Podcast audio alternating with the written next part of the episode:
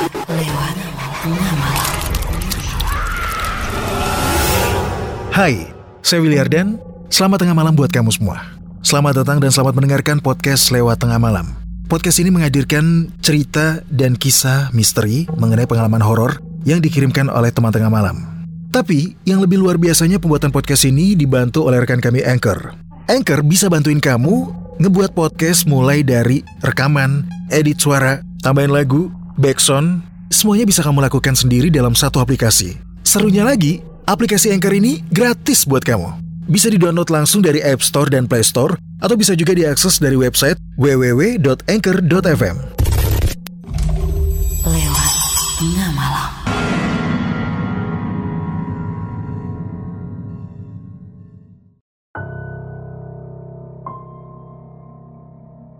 Hai, selamat tengah malam. Kamu lagi mendengarkan podcast lewat tengah malam bersama saya Willy Ardan. Jangan lupa di follow Instagram podcast lewat tengah malam. Dan sekarang saatnya untuk kita dengarkan episode terbaru.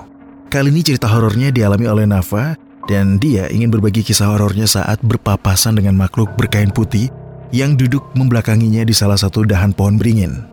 Dan ini menjadi pengalaman pertama Nafa saat dia melihat makhluk yang disebut pocong itu menampakkan dirinya. Simak pengalaman seramnya Nafa di episode 112. Di sini ada setan.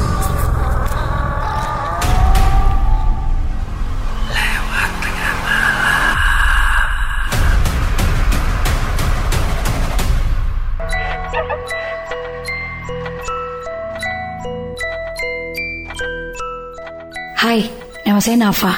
Ini cerita pertama kalinya saya melihat sosok astral. Mungkin kamu belum pernah berhadapan langsung dengan makhluk tidak kasat mata itu. Tapi malam ini, saya akan menceritakan kejadian menyeramkan itu. Sebenarnya kejadian ini sudah cukup lama. Waktu itu saya kelas 1 SMA. Dan di sinilah cerita itu dimulai.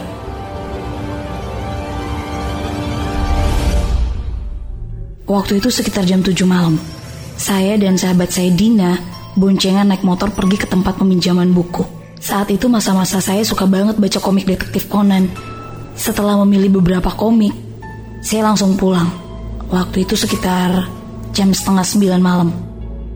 Di jalan pulang, tiba-tiba Dina langsung berhenti dan menoleh ke belakang dan langsung ngomong. Naf, kayaknya pulangnya lewat belakang sekolah aja yuk. Lewat jembatan biar lebih cepat sampai. Lumayan potong jalan jadi agak dekat jaraknya. Gimana? Saya cuma mengangguk saja waktu itu.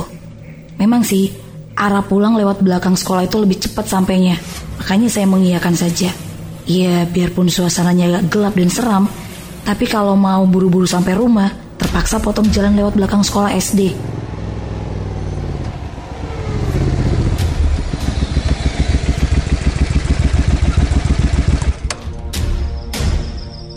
Baru sampai di depan gang samping sekolah mau naik jembatan, tiba-tiba Dina mendadak berhenti. Dia lalu menurunkan kakinya ke tanah. Saya sedikit heran sih dan bertanya, Din, kok berhenti di sini sih? Gak jadi lewat jembatan. Tapi kenapa Dina cuma diam aja? Din, kok diam sih? Kita di depan jembatan nih, buruan. Lagi-lagi aneh. Dina sama sekali tidak merespon atau bahkan tidak menjawab sama sekali pertanyaanku. Saya menatap wajah Dina dari samping. Mendadak, wajahnya berubah pucat pasi dan tubuhnya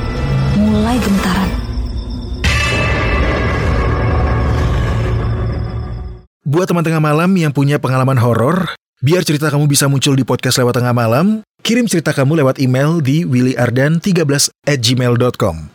Buat kamu yang pengen bikin podcast, langsung download sekarang juga aplikasi Anchor dari App Store dan Play Store, atau bisa juga diakses dari website www.anchor.fm. Anchor bisa untuk edit dan upload podcast kamu. Dan yang paling penting, Anchor gratis buat kamu. Di situ saya langsung panik. Din, Din kamu kenapa? Dina, ada apa sih Din? Sambil mengguncang pundak Dina. Refleks, seperti ada aura kuat yang memaksaku menoleh ke pohon beringin yang berada tepat di ujung jembatan. Dan, dan semakin jelas di mataku, di salah satu batang pohon besar beringin tua itu, di antara daun yang rimbun, ada sesosok makhluk berbungkus kain putih yang kotor, menutup seluruh badannya duduk membelakangi. Badanku mulai terasa dingin dan mulai menjelar naik. Keringat dingin mulai membasahi sebagian badanku. Nafasku sedikit tertahan bersama dengan bunyi jantung yang terdengar semakin berdetak kencang. Itu, itu bukan manusia. Itu, itu pocong.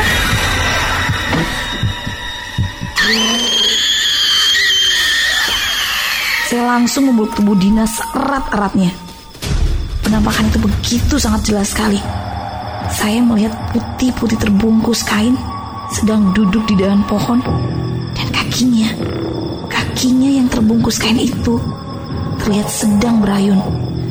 Untungnya pocong itu tidak memperlihatkan mukanya ke arah kami. Dia membelakangi kami. Saya langsung berteriak ke Dina yang terus diam dan mematung untuk segera kabur dari tempat itu. Din, Din sadar dong, Din, ayo cepet pergi. Dina langsung tancap gas dan putar balik. Dan saat itu juga terlintas dalam otakku kata orang-orang. Kalau tidak mau dikejar pocong, cari jalan ramai dan jangan belok-belok.